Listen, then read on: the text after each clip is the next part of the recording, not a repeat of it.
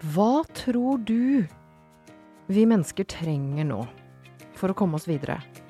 Å leve rike og gode og trygge liv. Gjerne skapende liv også. Jeg tror det kan handle om følelser. Jeg heter Katrine, og du hører på Oppdrift. Og vi sitter her Altså, jeg sitter her faktisk fortsatt sammen med sel lege selveste Ole Petter Gjelle. Som eh, Altså, og det skal jo handle om følelser, dette her. ikke sant? Hva slags følelser får vi når vi treffer hverandre, og hvordan, hvordan er vi sosiale mennesker? Og jeg eh, kjenner jo på en litt sånn frykt når jeg treffer deg. Å, hvorfor det? For det første så har du vært fastlegen min. Så jeg tror jo på et eller annet vis at du sitter og går gjennom eh, Hva er det det heter når man har alle dataene? At du har med journalen.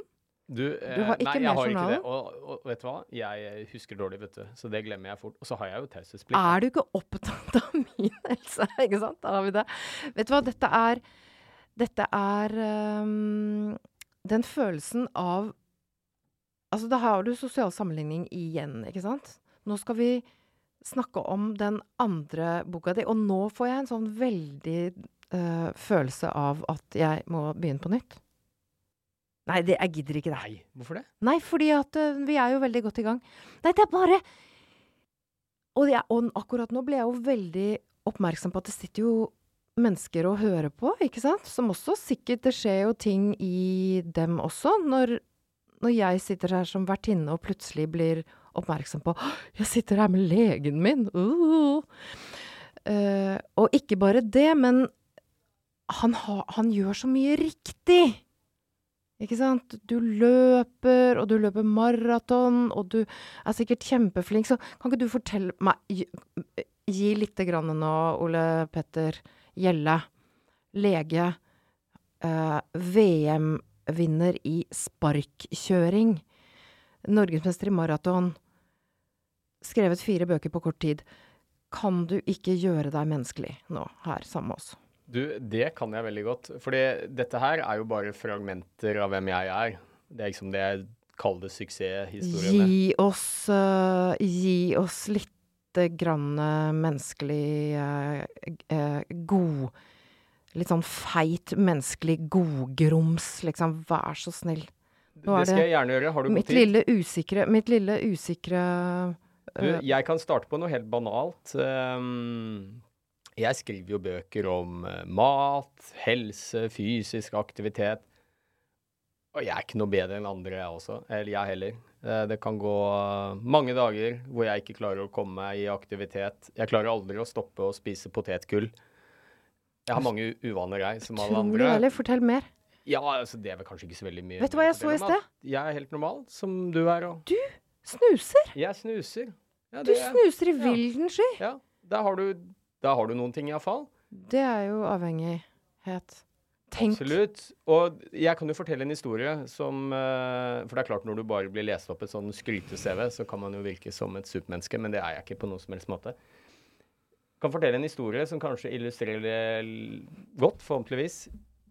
Under pandemien så, så reiste jeg veldig mye rundt uh, og holdt foredrag uh, om mental helse. Jeg er veldig opptatt av dette med bevegelse og aktivitet som uh, et godt verktøy. Både for å forebygge mentale lidelser, men også som et viktig behandlingsverktøy. Gjerne sammen med annen type behandling, selvfølgelig. Og akkurat da, midt i pandemien der, så, så fikk jeg en depresjon selv.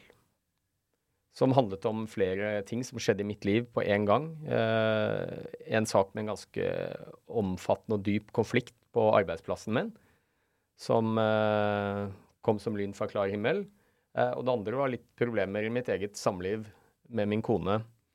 Og dette kom på en gang, og jeg gikk helt i kjelleren. Jeg ble sykemeldt fra jobben min som, eh, som fastlege. Jeg klarte ikke å ivareta meg selv, og heller ikke da pasientene. Men det var én ting som uh, hjalp meg i hverdagen, og det var det å reise rundt og holde foredrag. Det følte jeg at det mestret jeg. Det ble en slags uh, behandling for meg. Og da reiste jeg rundt uh, og snakket til sykehus, psykiatriske enheter, til sykepleiere, til leger om viktigheten, og pasienter også for øvrig, om, og pårørende, om viktigheten av å være i aktivitet når man sliter med depresjon. Uh, det bør ikke være mye, men iallfall komme seg i aktivitet, gjøre noe. Bli sin egen terapeut. Det skaper masse mestring. det er viktig for behandling. Og jeg følte meg som verdens største hykler. For jeg sto jo der og snakket om hvor viktig dette var, spesielt når du møter motgang i livet. Og så klarte jeg ikke å komme meg ut sjøl. Jeg gikk tre måneder hvor jeg knapt var ute av sofaen, annet enn for å reise og holde disse foredragene. Og brukte seks-syv måneder på å komme meg på kjøl igjen. Um, det var som om jeg visste at jeg hadde et verktøy i verktøykassa mi, men jeg klarte ikke å finne det. Så um, ja. Jeg blir altså så nysgjerrig på om du Takk for at du forteller, fordi da blir vi jo plutselig mennesker, og da er vi jo sammen om det vanskelige menneskelige prosjektet, ikke sant? Hvor vi opplever mye forskjellig i løpet av et menneskeliv. Men fortalte du denne historien fra scenen til slutt? Ja. Ja. Mm. Jeg, jeg, gjorde det ikke der og da, men jeg har brukt det i ettertid. Og det, det var jo en veldig smertefull opplevelse. Mm. Um, men jeg ville Det høres kanskje ut som en floskel, men jeg ville ikke vært den foruten. Det ga meg en helt annen innsikt i uh, Og nå skal ikke jeg Så jeg hadde en periode som, var, som varte ganske lenge, hvor uh, alt var tungt og vanskelig. Jeg gikk og la meg om morgenen og, og tenkte at åh, jeg vet ikke om jeg orker en dag til. Um, men det ga meg en slags innsikt i og erkjennelse i det jeg har møtt veldig mye når jeg jobber med pasienter, da, som sier at jeg kan sitte der som lege og si at ja, men det er viktig å være litt i bevegelse. Det kanskje mye, kanskje en halvtime hver dag med en spasertur, og du vil se at det skal hjelpe deg, ikke sant? sånn som vi leger ofte snakker. Og så ser jeg det tomme blikket til pasientene, og en av de sa til meg at vet du hva, jeg orker ikke tanken på å gå til postkassen engang. For den dørstokkmila blir så fryktelig lang. Så det har vært litt nyttig å kjenne litt på det sjøl, ikke bare sitte med akademisk og teoretisk kompetanse om det, mm. men ha kjent det litt uh, på kroppen selv. Men har det Ja, for nå er vi jo inne på boken, ikke sant? Fysisk uh, aktiv Sterk hjerne med Sterk aktiv hjerne med aktiv kropp. Ja. Og grunnen til at Jeg sitter jo her og, med den, uh, den ene boken din, men den Sterk hjerne med aktiv kropp, den var utsolgt. Ja, det er jo godt tegn. Den går det jo bare ikke an å få tak i, ja, så det er et den, veldig godt tegn. Eh, det var den første boka jeg skrev, og den, eh, ja. den, har solgt veldig godt. Så den er stadig vekk utsolgt. Og det er hyggelig for meg. Det er veldig fint. Også for oss som leserne, ikke sant. Og nå begynner vi å nærme oss det. For den skrev du jo før denne opplevelsen her. Ja, jeg gjorde det. Har Hvordan Altså, har du endret noe Synet på noe? Hva er veien ut av veldig vanskelige perioder da, som vi kan ha. Hvordan, hvordan kom du deg ut Hvordan jeg kom, hvordan kom du deg ut av det sjøl? Og har det endret måten du snakker med andre på, som du var litt inne på? Ja, måten jeg kom meg ut på det Noe av det var jo bare tid, og du måtte få prøvd å få løst noen av de utfordringene du hadde. Uh, og spesielt den ene utfordringen med den konflikten på arbeidsplassen løste seg egentlig ganske greit. Uh, etter hvert. Men um, Nei, det som løste det for meg et, etter hvert, det var at jeg uh, jeg tvang meg selv i aktivitet. Og når jeg sier aktivitet, så mener jeg ikke å trene. Altså, jeg har levd uh, mitt, hele mitt voksne liv, og fra ungdommen også, og vært veldig aktiv. Drevet med aktiv konkurranseidrett og stort sett trent hver dag. Men nå orket jeg ikke tanken på å gå ut døra engang. Så, um, så det jeg gjorde, var å rett og slett tvinge meg litt i aktivitet. Jeg kontaktet venner som var veldig støttende. Og så sa jeg, vet du hva, jeg trenger å komme meg ut, jeg trenger noen å snakke med, jeg trenger å bevege meg litt. Eh, kan ikke du komme på døra til meg? Eh, og hvis jeg sier nei, så tar du ikke nei for et svar. Får du med meg ut. Så det var en sånn langsom prosess hvor jeg startet med fem minutters gåturer med gode venner. Vi, hvor vi kunne snakke eh, det sosiale samværet med bevegelse. Det var liksom starten på det. Um, så du, du, du, tok kontakt, ba om det du hadde bruk for? Ja, det er jo ofte sånn at vi lider det. ofte i stillhet, da. Og, og, kanskje generaliserer jeg litt nå, men mitt inntrykk er at menn er enda flink, flinkere i anførselstegn til det enn kvinner. Mm. Vi ser jo det at jeg som jobbet i helsevesenet i mange år, kvinner er mye flinkere til å oppsøke hjelp når de føler at de trenger det. mye flinkere enn menn generelt sett. Um, og det tror jeg bl.a. handler om at uh, fortsatt så ses det litt på som en svakhet, det å innrømme at man har mentale helseutfordringer. Mm. Det er ingen som uh, sliter med å snakke om det vonde kneet eller menisken sin eller kreften de har fått, eller hjerteinfarkt. Mm. Det snakker folk gladelig om. Ja. Men det er veldig få som tør å snakke om at de sliter med depresjon eller angst, ensomhet. Og da vil jeg jo bare igjen takke deg noe sånn fra langt inne i sjelsregionen for at du faktisk gjør det.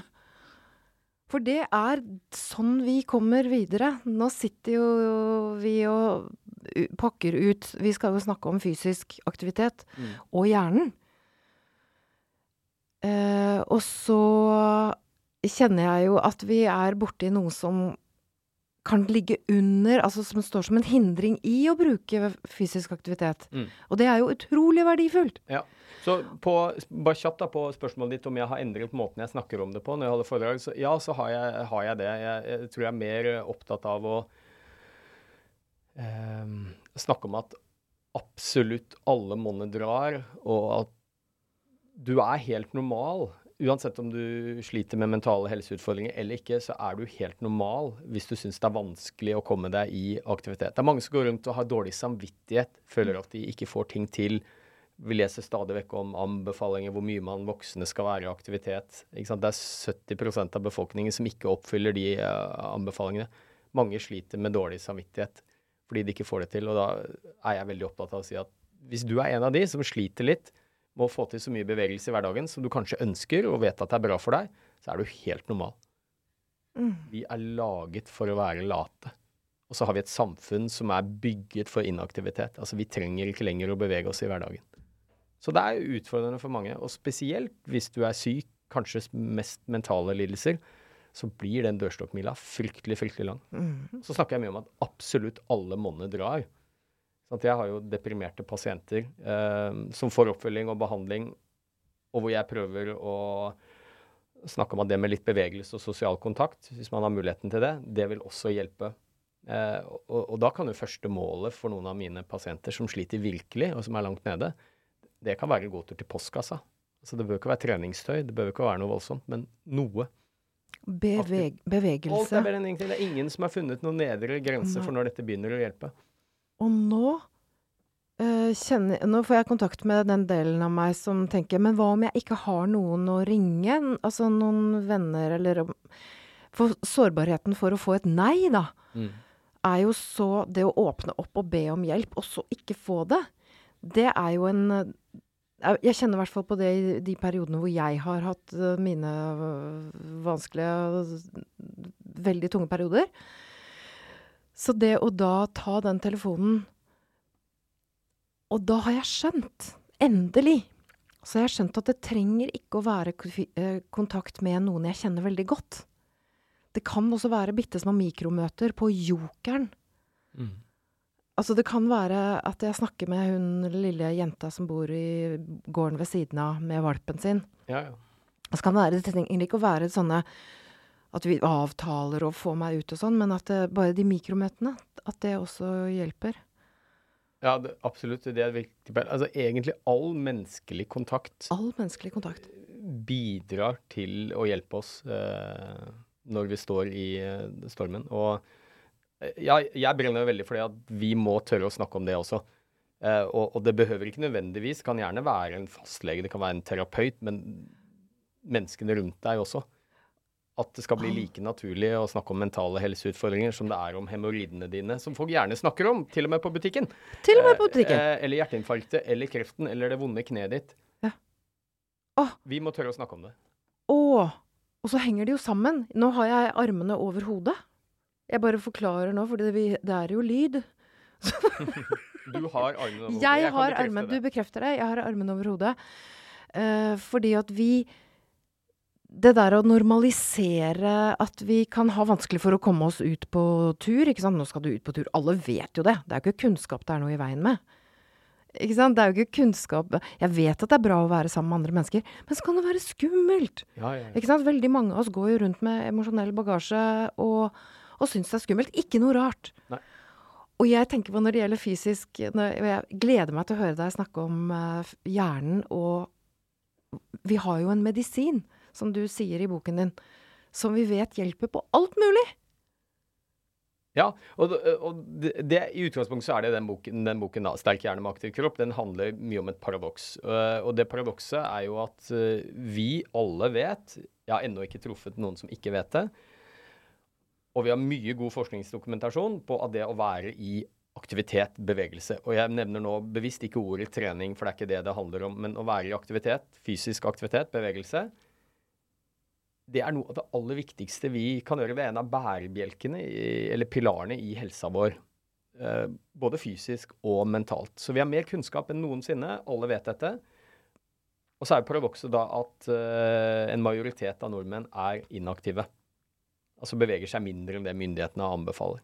Og jeg pleier å si litt sånn fleipete at hadde du fått alle de gevinstene du får, både fysisk og mentalt, livskvalitet, hverdagsfunksjon, livslengde, eh, redusert risiko for sykdom Hvis du hadde fått alle de gevinstene ved en pille, så hadde vi jo tatt den alle sammen. Mm. Så her er jo da paradokset, til tross for at vi vet mer enn noensinne hvor viktig dette er for oss, på individnivå, for samfunnsøkonomi, for alt mulig, så, så gjør vi eh, minst mulig. Hvorfor er det sånn?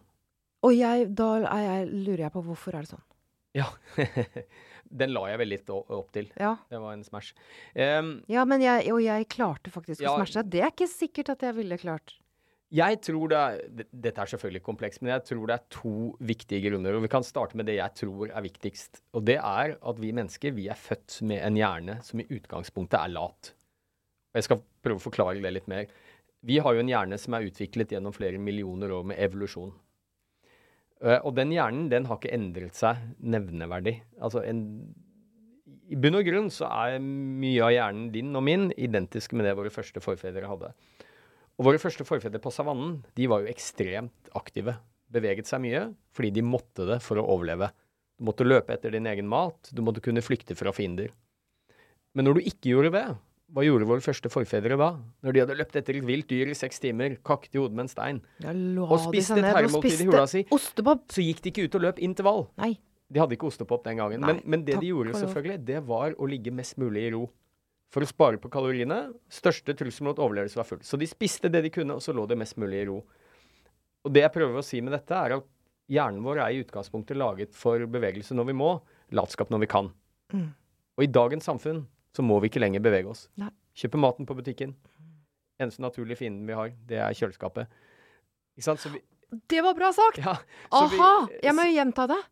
Vi har tid til det. Ja, ja. Den eneste naturlige fienden jeg har, det er kjøleskapet. Jo, men vi lever trygge liv. Vi, vi ja. behøver ikke lenger å bevege oss noe særlig i hverdagen. Nei. Men hjernen din, den er fortsatt lat, ikke sant? Den er så lat. Så det jeg pleier å si til folk, er at hvis du er en av de som når du kommer hjem fra jobb etter en lang arbeidsdag, og så tenker du kanskje at jeg vet jo at det er viktig å bevege seg. Kanskje skulle jeg gått en tur, kanskje skulle jeg syklet meg en tur. Jobbet i hagen, gjort et eller annet, da. Men så blir du brutalt sugd inn i sofaen med en potetgullpose og glass vin isteden. Så er du faktisk helt normal. Du helt gjør det hjernen din er programmert til å gjøre ja. gjennom evolusjonen. Så det koblet med at vi har et samfunn hvor du ikke lenger trenger å bevege deg, det tror det er den viktigste grunnen til at mange sliter med å komme seg i aktivitet. Så det er ikke noe galt med deg hvis du sliter med det. Nemlig. Og, og, og jeg tror jo det at hvis vi skal få fler til å bevege seg, som vil gi en åpenbar gevinst for individene, men også for samfunnet og samfunnsøkonomien, det koster 240 milliarder hvert år inaktivitet, så må vi erkjenne at det er ikke så lett å få til i hverdagen for veldig mange. Men jeg tror hvis du kjenner til noen av de motkreftene du møter, den late hjernen, så er det litt lettere å overvinne dem. For da går det an å si nei, der lurer hjernen min meg igjen. Ja, ja. Det går an å ha den indre dialogen hvor det går an å si ja, det er jo ikke noe rart. For jeg er jo skapt for å sitte her helt stille. Så jeg har jo bare den hjernen som jeg har. Ja, Å, nå skal jeg lure den! Så er det bare på Også da og veldig lurt å ha joggeskoene stående der. Klart at ting er liksom Klart at infrastrukturen er i orden. Jeg har noen veldig konkrete tips. Ikke kan ikke du komme med det? Ja, eh, Jeg følte du ledet meg litt dit, eh, til hvordan vi faktisk kan overvinne ja. den litt late hjernen. Altså, Den ja. har vi alle sammen. Mm. Jeg har den, jeg også. Mm. Eh, jeg er Det glad i å har jeg altså Jeg vet ikke noe tro på, men det er mer greit. enn eh, folk flest uh, gevinsten med å være i aktivitet. Det er jo det jeg Mm. jobber med. Men det er mange dager hvor jeg rett og slett ikke kommer meg ut. Um, så tips nummer én um, Jeg blir så glad i det når du sier det. Da blir du liksom en av oss. Men jeg er jo en av dere. Ja, du er det. Ja, ja. Til tross for at jeg har vunnet VM i sparkkjøring. Eh, jo, tips nummer én, det er å vite at helsegevinstene, både på kroppen og på toppen, eh, er helt uavhengig av hva du gjør. Så lenge du får opp pulsen litt. Det er veldig godt dokumentert. Så du må finne et eller annet du faktisk trives litt med. Alle behøver ikke å løpe. Du kan like gjerne gå. Du kan sykle, svømme, danse, klatre, gå på ski, padle. Altså Finn noe som er gøy. til, til, til og med aktiviteter vi ikke tenker på som trening, selvfølgelig. Jobbe i hagen, leke med barn eller barnebarn, tantebarn, eh, gå fra butikken med handleposer.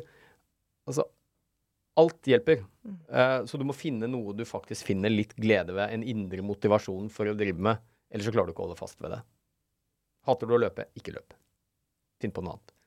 Vet du hva jeg har funnet ut? Her, her er det en sånn kampsak for meg. Ja. For jeg har en hypotese. Kan jeg få sjekke den hypotesen med doktor eh, Gjelle? Det kan du veldig gjerne. Og det, det hypotesen er basert på kunnskap om meg selv. Og det er det at eh, det er jo bare tynne mennesker i sånne trikoter som løper rundt. Altså sånn at skammen min over å veie 90 kilo og ha sånne ting som disse rundt når Mm. jeg løper, det står i veien. Selv om jeg syns det er deilig å løpe, for jeg får liksom Jeg får jo pulsen opp. Ja. Så jeg har da begynt å si til meg selv det er For det første så er det en Jo flere sånn godt eh, tykke damer som løper, jo flere andre er det som tør å gjøre det. Ja, ja. Så vi må bare være mange nok. Jeg ser det som en sånn samfunnsoppgave å gå og løpe. Eh, og så har jeg funnet ut at det er mye bedre å løpe kort og langsomt og ofte enn langt og fort og aldri. Ja. Kan du bekrefte altså, Hvordan er den hypotesen at jeg tror det er veldig mye skamfølelse over å skulle gå ut og ikke være perfekt. Fordi du ser sånne perfekte treningsbilder. Da er vi jo inne på det, den andre Ja da, boken, ja. det digitale dopet. Gi meg litt støtte på dette her. Det skal jeg gjerne eh, gjøre, Katrine. Og, og jeg tror du er inne på noe veldig viktig. Det er mye skam rundt dette med ikke bare in inaktivitet, men kanskje spesielt med dette med kropp. Ikke sant? Og, Kan vi snakke litt om det? Ja, og jeg møter veldig mange av mine pasienter som sier at ja, men jeg føler meg ikke noe vel i tettsittende treningstøy, og jeg føler bare at jeg er i dårlig form og tjukkere enn alle andre. Og, og det er selvfølgelig en utfordring. Så jeg tror det er veldig viktig poeng det at jo flere som er ute og viser seg, uavhengig av hvordan vi ser ut, jo flere blir, blir med også. Og, og jeg, en ting jeg brenner veldig for, og det er om at vi må slutte med dette vekttyranniet som vi har eh, i samfunnet generelt, men også i helsevesenet. Vi leger vi sitter jo og måler høyde og vekt, og så lager vi en sånn BMI. Så sier vi til pasientene våre du har en BMI som er i overvektskategorien. Nå er det viktig å gjøre noe tiltak. Nå må vi se på kosthold. Nå må vi se på fysisk aktivitet. Og, og vekt forteller oss fint lite om noe om hva slags menneske du er. Og du sier fint lite om helsa di også, faktisk. Eh, og jeg er veldig opptatt av at vi skal snu fokuset vekk fra vekt og snakke mer om helse. Eh, det er fullt mulig å ha Nå sitter jeg med armene over jo, hodet altså, igjen. det er fullt mulig, og det er mange som har det. Eh, flere millioner nordmenn som er i kategorien overvekt, nå sier jeg det i anførselstegn, det kan du bekrefte, fordi de havner i en sånn BMI-kategori som er et godt mål på befolkningsgrupper, men elendig på individnivå. Det sier fint lite om deg, hvem du er og hvilken helse du har. Så det er fullt mulig å ha en del kilo for mye, igjen i anførselstegn, sammenlignet med denne skalaen, og ha kjempegod helse. Akkurat like mye som det er mulig å være superslank og ha dårlig helse. Sånn at det vektbegrepet jeg, Ja. Men kan vi Jeg er jo Vi må snu, snu fokuset. Ja, vi må snakke mer om helse, ha det bra, enn om Mm. vekt. Åh, det er så godt å høre. Og jeg er jo nysgjerrig på hvordan det lander hos deg som er så vennlig å bruke din dyrebare tid på å være sammen med oss her. Hva skjer hos deg når vi snakker om dette her? Jeg har lyst til å ha hendene over hodet. Og nå får jeg, nå får jeg eh, kontakt med en annen følelse, og det er stolthet. For jeg kjenner at det er Jeg blir jo veldig takknemlig for alle mulige typer mennesker som er ute og, og beveger på kroppen sin. Det er, jeg, og de er med i min sånn takknemlighetsdagbok. Takk for alle som tar vare på seg sjæl. Takk i dag for alle som tar vare på seg sjæl. Og takk for de som tar vare på andre også. Ja. Sånn at, så den stoltheten over å ta et samfunnsansvar om å være stor dame som løper av gårde med et stort smil og hilse på folk på veien, for det er også en greie at det å hilse på folk Jeg holder meg jo langt unna de skogstiene opp mot Ullevålseter og sånn, for der er det så mye sinna menn. Det er så utrolig mye sinte, sinte, veldig spreke menn. Jo, men kan vi snakke om bra. det òg? Ja, du, For jeg- vi kan snakke om det. Ka Sinte, sinte spreke menn som, som løper meg ned og kjører på meg med syklene sine. ja, det er ikke bra. Nei, men du du må slutte med det. Ja, og, og jeg har bare lyst til å si en ting, fordi at vi, vi, vi neddynges jo av, av Kall det propaganda i aviser og medier. ikke sant? Alle sånne quick fixes. Eh, se overskrift i Dagbladet hvor det står 'hvordan gå ned ti kilo for å passe inn i julekjolen'. Au, au, au. Eh, altså, vi skal ha enkle, kjappe løsninger på noe komplekst. Og, eh, og jeg har lyst til å si litt For dette er det forsket mye på også. Hvis du er en av de flere millioner nordmenn, for det er nærmere to millioner nordmenn, som havner i kategorien overvekt eller fedme. Og, og det er veldig stigmatiserende for mange. Så vet vi veldig godt fra forskning i dag at hvis du ellers er frisk Jeg bare du- rekker opp hånda. ja, Hvis du ikke har noen bakenforliggende sykdom, du er frisk, men du har noen kilo igjen, i anførselstegn, for mye, så er det ikke skadelig for helsa di. Tvert imot. Så jeg pleier å si det at ikke bruk masse tid eh, for helsas del på å prøve å pine deg ned noen kilo. Det er fryktelig vanskelig. Eller det er lett å pine seg ned noen kilo, det er vanskelig å holde seg der. Da er det mye bedre helsestrategi å prøve å leve så sunt som mulig. Ikke sant? Være Få nok søvn, vær i aktivitet, helt uavhengig av vekten din. Heller enn å prøve å pine seg ned noen kilo. For det er først når du havner i en sånn veldig høy vektkategori, det vi kaller fedme, da øker risikoen for å bli syk ganske betydelig. Men for de aller fleste nordmenn som havner i denne overvektskategorien, så har det minimalt å si for helsa. Og det kan faktisk være helseskadelig å prøve å pine seg ned disse kiloene, fordi Slanking er blitt en folkesport i Norge, og det er faktisk flere som slanker seg til en høyere vekt enn til en lavere vekt. Der er vi inne på Ja, så en, også en kjempespennende drit i vekta, hvis man øh, i større grad, da, spesielt vi Drit vi jobber i helsevesenet, ha heller fokus på helse. Drit i vekta, fokus på helse. Ut på Ut, ut, bare ut i naturen, eller ut et eller annet. Det er mange måter å være ute Ja, på, altså, eller fysisk på. at vi har på. mer fokus på å ha en kropp som fungerer, som Mm. du kan bruke til det du ønsker å bruke tiden til, enn akkurat uh, hvor mange kilo du har. Og nå får jeg jo lyst til å takke, når vi er på takkekjøret, så får jeg lyst til å takke deg for at du er her og bruker din dyrebare tid, eh, Ole Petter Gjelle. Og jeg har lyst til å takke Steinar Olsen i Stormberg. Jeg føler at Stormberg, de som lager eh, u- turutstyr, de begynner å snakke om nærtur. Mm. For det Altså, de har begynt å lage Altså, en korttur er også en tur. Og de har jo brutt med hele dette her at du er nødt til å skulle klatre opp på Mount Everest for i det hele tatt å ha sånne store polvotter og sånn. Altså, nå, jeg ser for meg det der. De har klart å gjøre det til lavterskel å komme ut. Ja. Og det er altså Det er så folkehelse. Så jeg har lyst til å bare takke Steinar Olsen i Stormberg. Han, det er mulig han hører på, men uh, takke han også. Du, du, og, og det er kjempebra. Og som jeg sa i sted, det er ingen som har funnet noen nedre grense for når bevegelse og aktivitet begynner å hjelpe. Absolutt alle måneder drar.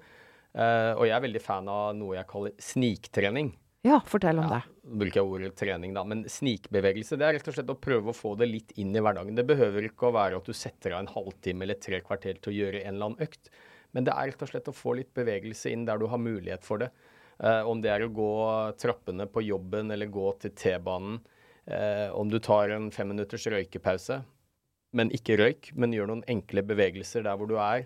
Det har en formidabel gevinst. Det har en formidabel gevinst, også sosialt. Veldig. Og der kommer vi inn på noe, for jeg begynte jo med en sånn tankerekke med noen tips, jeg. Det var det du gjorde. de? Absolutt. Ja, for det, det første tipset mitt det var jo å finne en eller annen aktivitet du faktisk trives litt med. Det er alfa og omega. Eh, punkt to, hvis du har mulighet, gjør det sammen med noen andre. Eh, da vet vi veldig godt fra forskning at hvis du ønsker å få mer bevegelse i hverdagen, kanskje sliter litt med å få det til, så dobler du sannsynligheten for å lykkes hvis du gjør en avtale med noen. Mm. Og det kan være en gruppetrening, det kan være en venninne eller en kompis. Og det handler jo om, om at det blir mer forpliktende. Tenk deg kanskje at du bestemmer deg en kveld for at i morgen tidlig, da skal jeg stå opp tre kvarter før jeg vanligvis gjør, og så skal jeg gå meg en rask spasertur før jobben. Og så sover du som en stein. Og så blir du brutalt vekket av klokka neste morgen halv sju. Godt og varmt under dyna. Det er kaldt ute. Da er ikke slumreknappen langt unna. Men står det en kompis, en venninne, en kollega på gatehjørnet og venter på deg, så kommer du deg ut. Og så får vi enda større mental helsegevinst av å bevege oss sammen med andre. For det sosiale aspektet fører til en belønning i hjernen vår. Så det skiller ut enda flere mirakelstoffer som styrker mentale funksjoner og hjernehelse. Mirakelstoffer. Ja, og ja, mange tips, men jeg kan ta et par til. Eh, tips tre, det er å ikke legge lista for høyt. 80% av alle nyttårsforsetter ryker. Vi nordmenn er verdensmestere i det. Og mange av nyttårsforsettene handler jo om helse. Bevege seg mer, spise sunnere, drikke mindre alkohol, bla, bla. Eh, og så ryker de aller fleste. Og det tror jeg om at vi legger lista litt for høyt, så høyt at vi er dømt til å mislykkes. Og kanskje skal du på en reise fra A, hvor du er relativt inaktiv, til å ha mål om å bli i kjempegod form, kanskje. Men den reisen fra A til Å kan du ikke ta i ett steg. Først må du fra A til B, så fra B til C. Så mitt tips er å legge lista lavt. Ikke sant? Hvis målet ditt er å komme deg ut fem ganger i uka, og så klarer du tre, så er jo tre veldig bra. Det er kjempebra. Men du sender et signal til hjernen din om at du har mislykkes. Oh. Målet var fem, du klarer tre. Mhm. Det torpederer en del mestringsfølelse. Men hvis målet ditt er to, Mm. og du får til tre, så har du ikke trent noe mer. Ah. Men det oppleves som en seier. ah. Det skaper mestring, og det er drivstoffet for endring. Mestring er drivstoffet for endring. Jeg trenger bare gjenta sånne aha-opplevelser. Ja, ja. Eh, og du kan nesten ikke legge lista for lavt, altså. Nei. Mange bitte små delmål som du tror du kan få til, og som du er motivert for. Jeg må si det også en gang til, jeg. Ja. Jeg kan nesten ikke legge lista for lavt. Det er jo en utrolig nydelig setning. Er underkommunisert setning. Takk Ja. for den. Og så er det et tips uh, som du kom med, som jeg også deler, og det er legg forholdene til rette. Altså det vil si at uh, hvis du ønsker i løpet av en dag å få til en mosjonsøkt La oss si at du har hjemmekontor. Ta på deg det tøyet du har tenkt å bevege deg i når du står opp om morgenen. Da vil du konstant sende hjernen din en påminnelse om at ah, ja, jeg skulle jo ut en tur, jeg. Eh, pass på å ha ting tilgjengelig. Skal du ut og bevege deg en tur, og du er avhengig av airpodsene dine, pass på at de er lada, at du har skoene framme, tøyet ditt ligger der. Infrastruktur. Ja, eller om du er ute på reise, ha det med i kofferten, ha det med i bilen din. Så gjør det det litt lettere å ta de gode valgene. For hjernen vår er lat. Hvis du må lade airpodsa og du ikke finner joggeskoene dine, og så, nei, pokker heller, da går den økta ut også. Det er veldig fort gjort. Og så har jeg et siste tips, hvis jeg lov Ja. til det. Og du får lov til hva som Ja. helst. Og det har jeg, får jeg mye erfaring med at det er kanskje det mest effektive tipset hos de som kanskje lurer på er dette noe for meg, og jeg er ikke så veldig motivert for dette, men jeg vet jo at det er bra for meg. Så, så, så jeg har jo en del pasienter som, som vet veldig godt at for helsas del så er det nyttig å bevege seg litt mer, men så er de litt skeptiske. Uh, og da pleier jeg å prøve å gjøre en avtale med de. Eller de skal egentlig gjøre en avtale med seg selv, og det kan f.eks. være at tre ganger i uka så skal jeg spasere 20 minutter. Ja, og Så sier jeg at ok, men da kan vi gjøre en avtale om at hvis du ikke trives etter fem minutter, hvis du ikke liker det etter fem minutter, så kan du snu og gå hjem igjen. Og det elsker jo pasienten. ikke sant. Da har de en retrettmulighet. Da blir ikke den dørstokkmila så lang, for de vet at ja, men fastlegen har sagt at jeg kan snu etter fem minutter hvis jeg ikke trives med det. Og det som skjer i praksis, er det er jo ingen som snur. For det er de første fem minuttene som er Det er dørstokkmila, det. Når du først kommer deg ut og er i bevegelse, så er vi genetisk kodet til å like det. Og det er jo så deilig. Og de aller fleste føler seg bedre, både mens og etterpå, når du har gjort noe sånt. Så, og i verste fall, om du snur etter fem minutter, så har du fått ti minutter, da. Veldig, veldig bra. Og så er det siste tipset mitt, det er ikke bruk mye tid på å finne ut hva som er det optimale treningsopplegget eller kostholdet ditt, for det er det ingen som klarer å gjennomføre over tid. Den beste treningsøkten, det er den du får gjort. Om du det så bare er fem minutter. Jeg må, jeg må gjenta den også. Den beste treningsøkten er den du får gjort. Det er nemlig akkurat det. Ja, du kan sitte til du blir grønn og blå i ansiktet og diskutere om hva slags type trening som er best. Jeg får mye spørsmål om det. Skal jeg kjøre fire ganger fire intervall? Skal jeg trene styrke? Skal jeg Hva er det jeg skal gjøre nå? Gjør for noe? Finn noe du får til. Absolutt alle monner drar. Ikke la det gode bli den perfektes fiende, fordi det er ingen som klarer å holde fast ved disse perfekte oppleggene. Verken på mat eller Er mosjon. Nå ser jeg for meg VG pluss. De har masse sånn Slik er det Har du artrose? Det er liksom måten å få oss på Alle har jo artrose. Altså i hvert fall veldig mange av oss. Ja, ja. Så vi, det er sånn, og det, også med de der leddene med sånne røde sånn Det går sånne rød røde lys ut fra leddene. Da skal du liksom lese den, og så er det masse sånne Gjenta tre ganger, og så skal du gjøre ditt og datt. Og jeg blir jo veldig ofte spurt eh, nå, nå er det en sånn diskusjon i noen aviser som har kontaktet meg. Ikke sant? Hva er den det perfekte typen intervall å trene? Så det finnes mange forskjellige typer. Og så skal man ha faglig diskusjon om det. Så tenker jeg litt sånn, Fra folkehelseperspektiv så er det litt skivbom. fordi det store folkehelseproblemet i Norge er jo ikke at folk trener galt. At de trener gal type intervall. Det er det at vi ikke beveger oss noe særlig. Så la oss heller snakke om det. All Ja. bevegelse er bra. Og det har jeg lyst til å snakke om nå. For jeg har lyst til at du, før vi går inn for landing av denne samtalen, som i hvert fall har skapt noe dopamin i hjernen min eh, Kan ikke du fortelle hva det var du gjorde i Åsgårdstrand? Og da, og da i, igjen, sant, den lille badebyen, eh, lille sånn byen Åsgårdstrand i Vestfold. Jo, det kan jeg godt fortelle om. Jeg har jobbet som fastlege der uh, fra 2012 til uh, 2018. Og vi, vi leger vi er jo ganske godt trent til å snakke med pasientene våre om livsstil. Ikke sant? Søvn, kosthold, mosjon, bevegelse. Det er noe vi alle vet er viktig. Men jeg tror ikke snakk eller informasjon alene bidrar til å endre atferd. Så jeg ble litt lei av å sitte og fortelle pasientene mine noe de visste veldig godt fra før. Som en pasient sa, men Gjelle, alt dette vet jeg jo. Mm. Problemet er å få det til. så, og så husker jeg jeg spurte henne ja, men Hun har vært hos meg mange ganger over lang tid, og hver gang hun var hos meg, så sa hun jeg har lyst til å begynne å bevege meg litt mer. Kan ikke vi lage et opplegg sammen? Så lagde vi et opplegg, og så kom hun tilbake noen måneder etterpå, og så hadde ingenting skjedd. Enten så hadde det vært ferie, eller så hadde det vært en flytteprosess. Det var alltid et eller annet som kom i veien.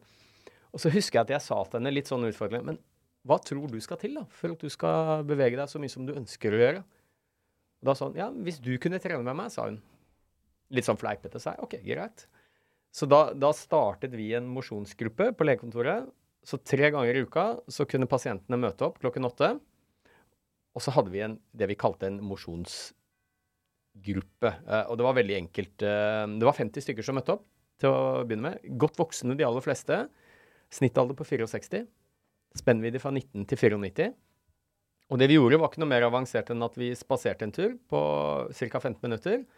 Varmet opp, hadde noen gode samtaler.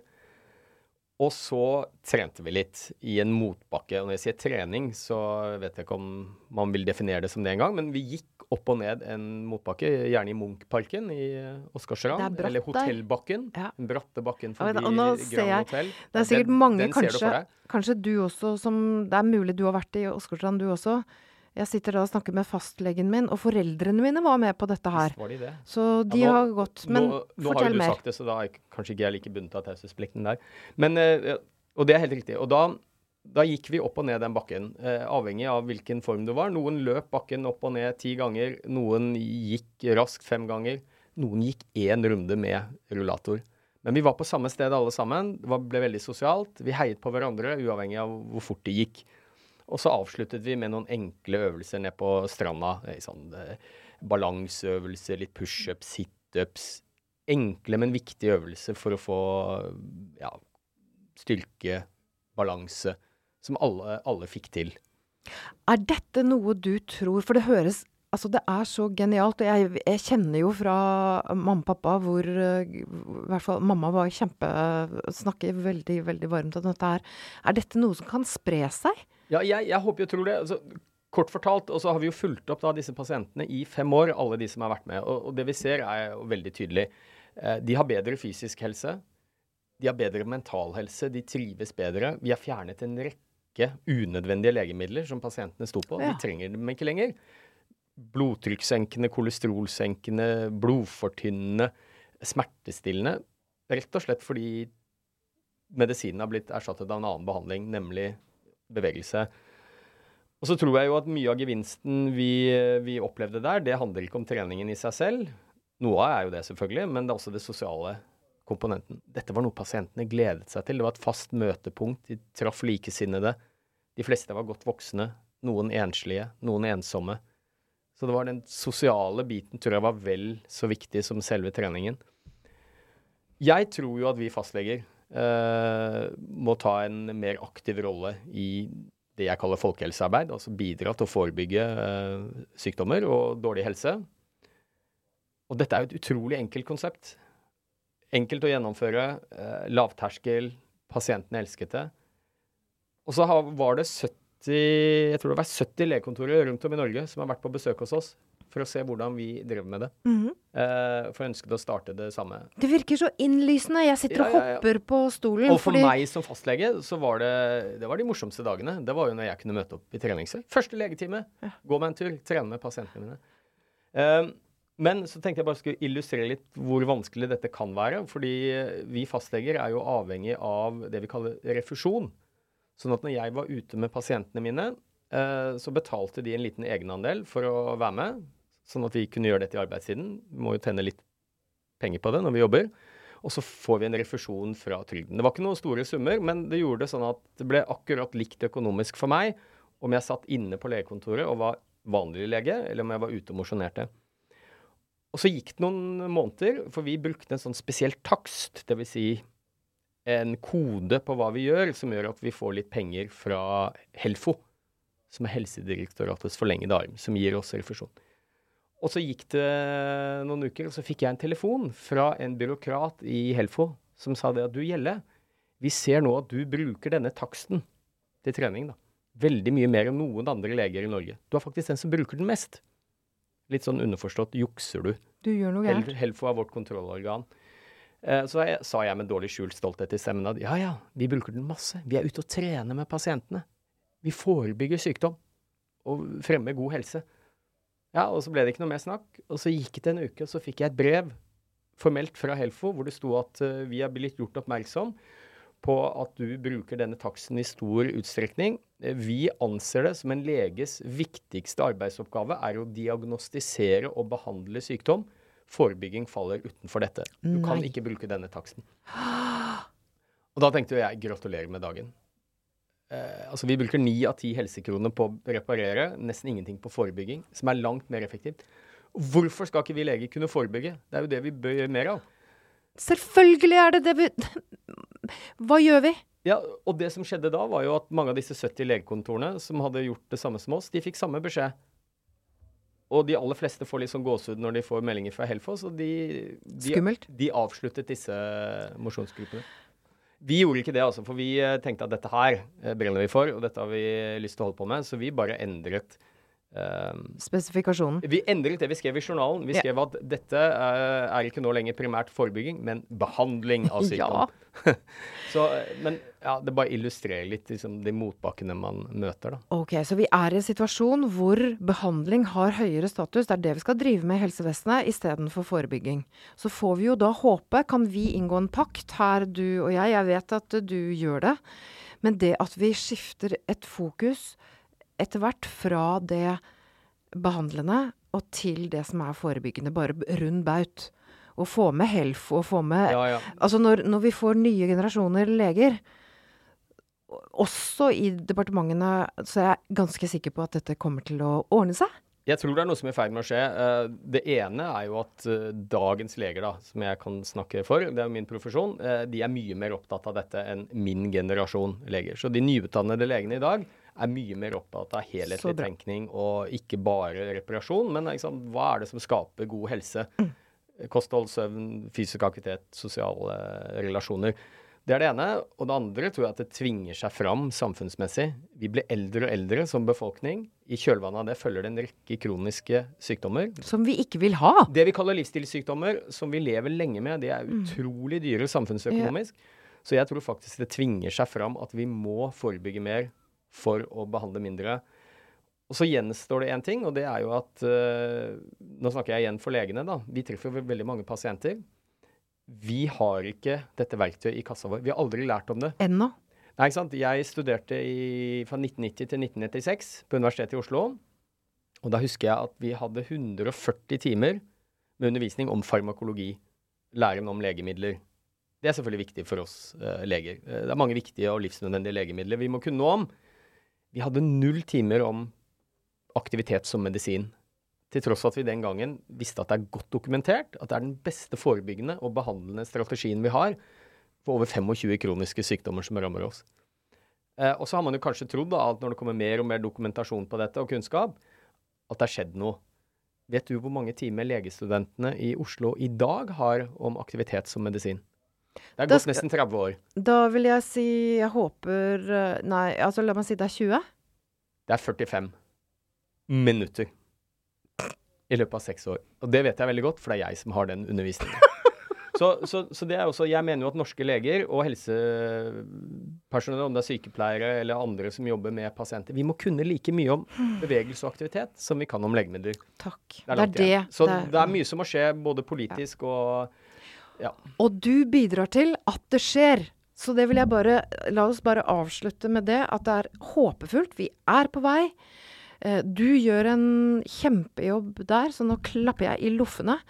Og anbefaler alle andre uh, Du som hører på, klapp i loffene. Det er også bevegelse. Det er bevegelse. Ikke sant? Ja, ja. Alle måneder drar. Her kommer nå, nå, nå kommer jeg, jeg blir bare fristet til å komme med enda en hypotese, og det er at vi er så redde for å være rare.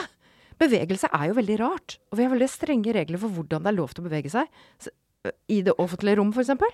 Veldig rare regler. Ja, bevegelse er jo ikke rart. Bevegelse Nei. er det mest naturlige vi har. Altså, egentlig. Ja, men det er lov til å gå rett fram. Nå, nå, det er et hierarki i bevegelse, skjønner du. Det er lov til å gå rett fram. Det er lov til å løpe rett fram. Det er lov til å gå på ski rett fram. Det er lov til å stå og gjøre sånne tøyøvelser. Men å danse f.eks. i parken, som jeg syns er gøy, ja. det har vi begynt å gjøre. Det er masse damer da, som har begynt å gjøre det med sirkulærbevegelser. Det er kjempeviktig for damer. For det ødelegger hoftene våre å bare gå rett fram. Nå kommer jeg med en sånn rant her. Dette er en rant.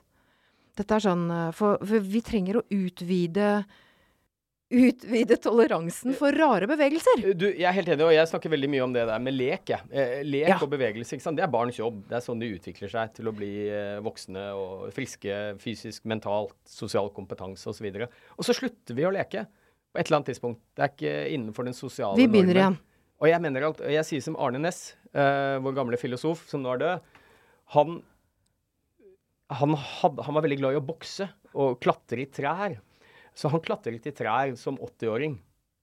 Og så var det en av dem som sa det der er jo veldig rart at du driver øh, og klatrer i trær. Hvorfor har du begynt med det? Og så sier han nei, nei, det er ikke jeg som har begynt. Vi klatret begge i trær da vi var små. Det er du som har sluttet. Yeah.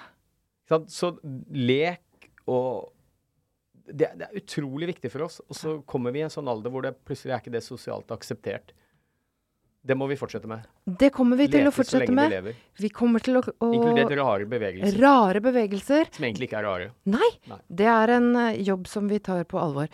Tusen takk for at du kom hit. 50 minutter har gått i en fei. Ja, det har det visst. Og takk for den jobben du gjør, og takk for den jobben du gjør, som sitter og hører på oss.